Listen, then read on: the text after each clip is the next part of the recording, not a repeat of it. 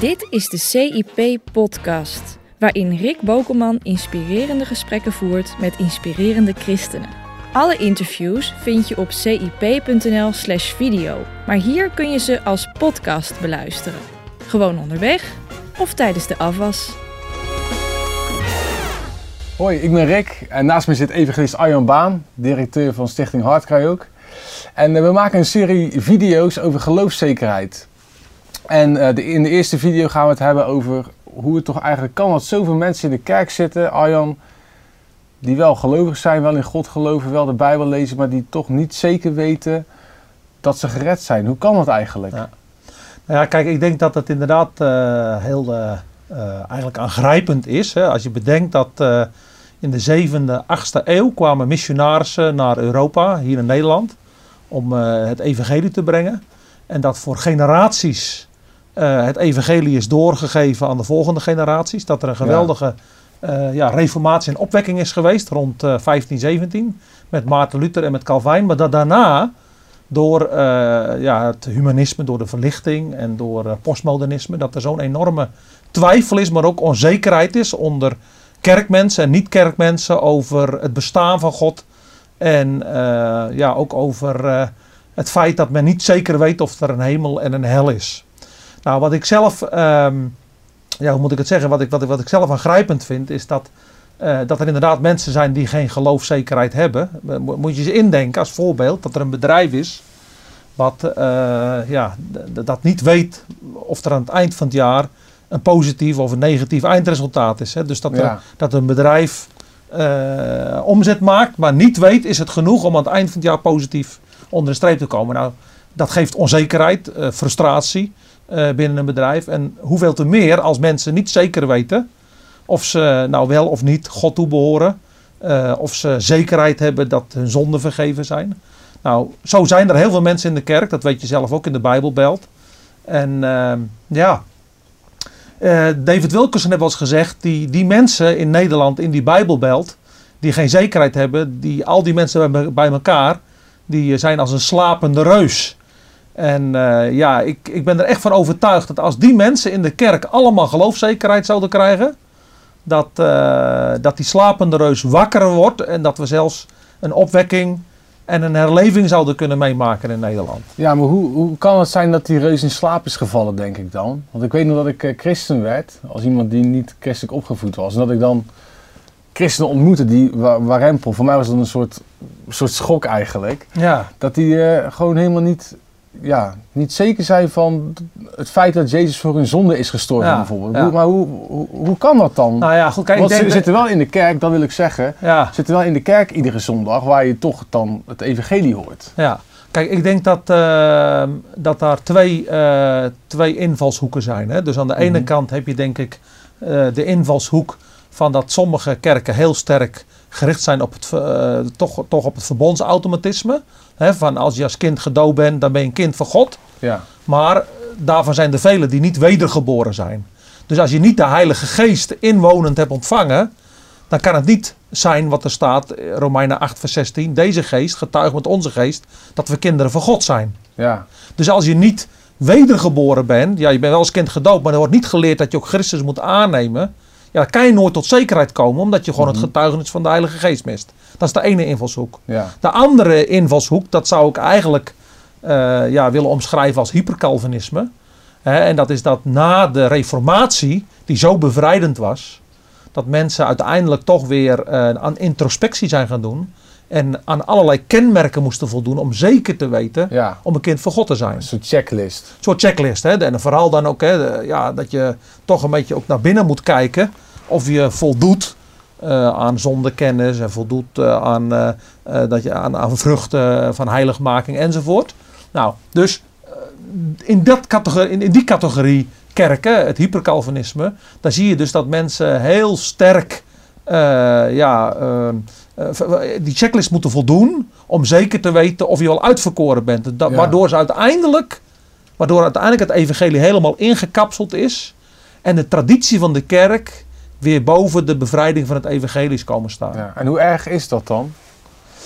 Nou ja, ik denk dat dat heel eh, erg is, omdat eh, uiteindelijk natuurlijk in de eerste plaats, eh, God komt daardoor niet aan zijn eigen eer. Hè? Dus ik bedoel, Mhm. eh, God verlangt ernaar dat, eh, dat wij tot onze bestemming komen en dat wij werkelijk weer eh, aanbidders van Hem worden en dat we Hem uit dankbaarheid en lofprijzing eh, de eer geven.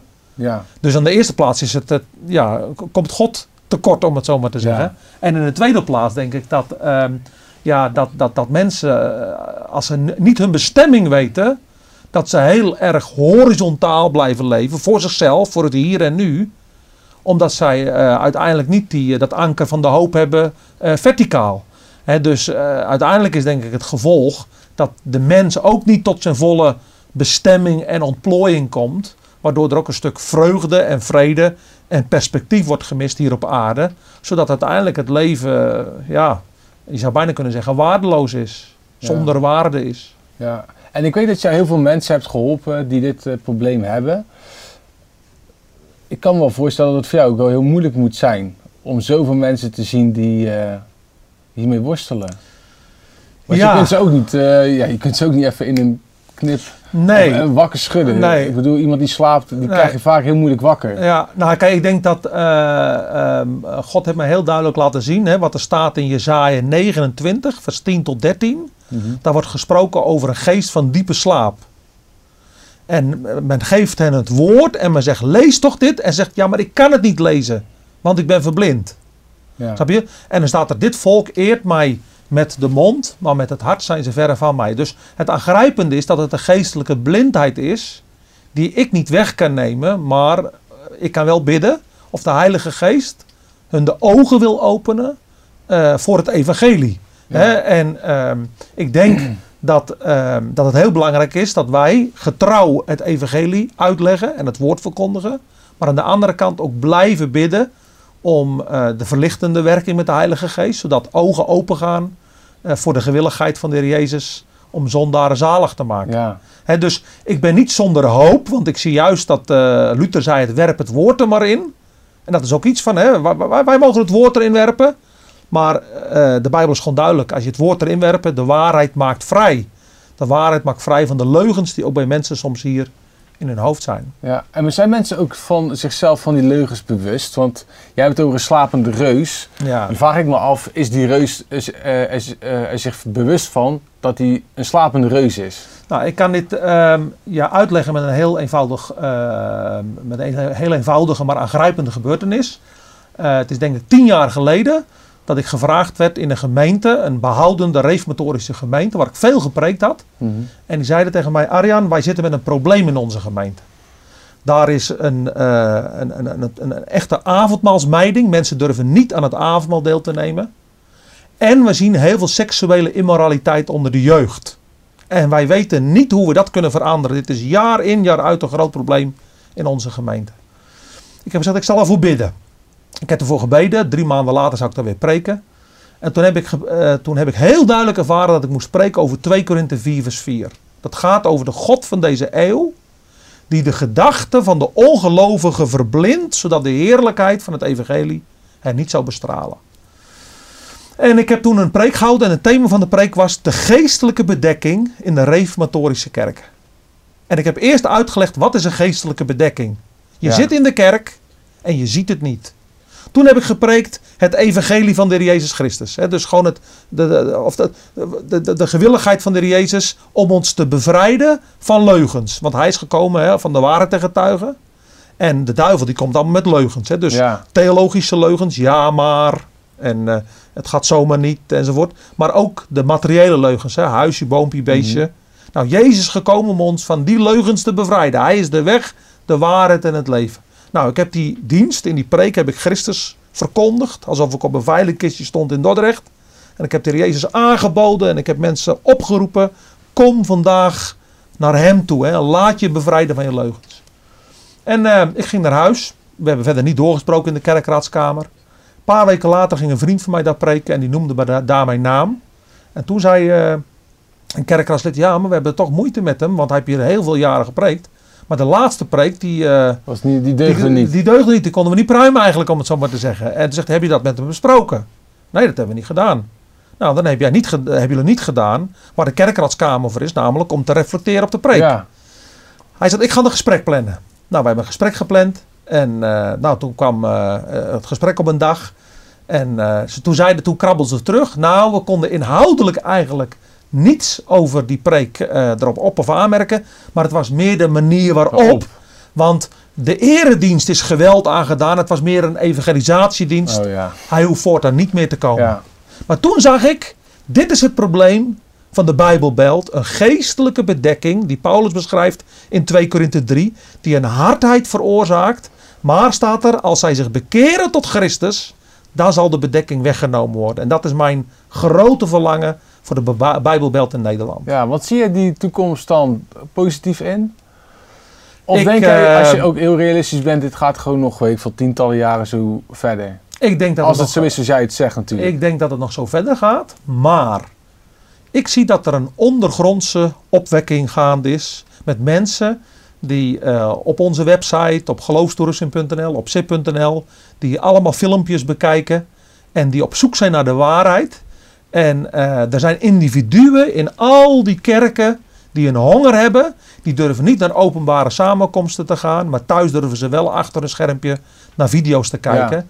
En die komen tot leven. Ik, ik, we horen het wekelijks in het hele land dat in traditionele kerken, uh, reformatorische kerken, hervormde gemeenten, overal komen jongeren tot levend geloof. Ja. Alleen, ik heb altijd een hoop gehad dat God een herleving, een opwekking ja, in die structuren zou geven. Ja, dat was jaren geleden toen ik jou nog voor het eerst ontmoette in die tijd. Ja, maar dan zie je dus dat die, die structuren, die zijn heel weerbarstig. En dat, eh, ja, ik weet niet, eh, daar heb ik niet altijd veel hoop mee voor. Maar ik, ik zie absoluut dat God werkt in individuele mensenlevens.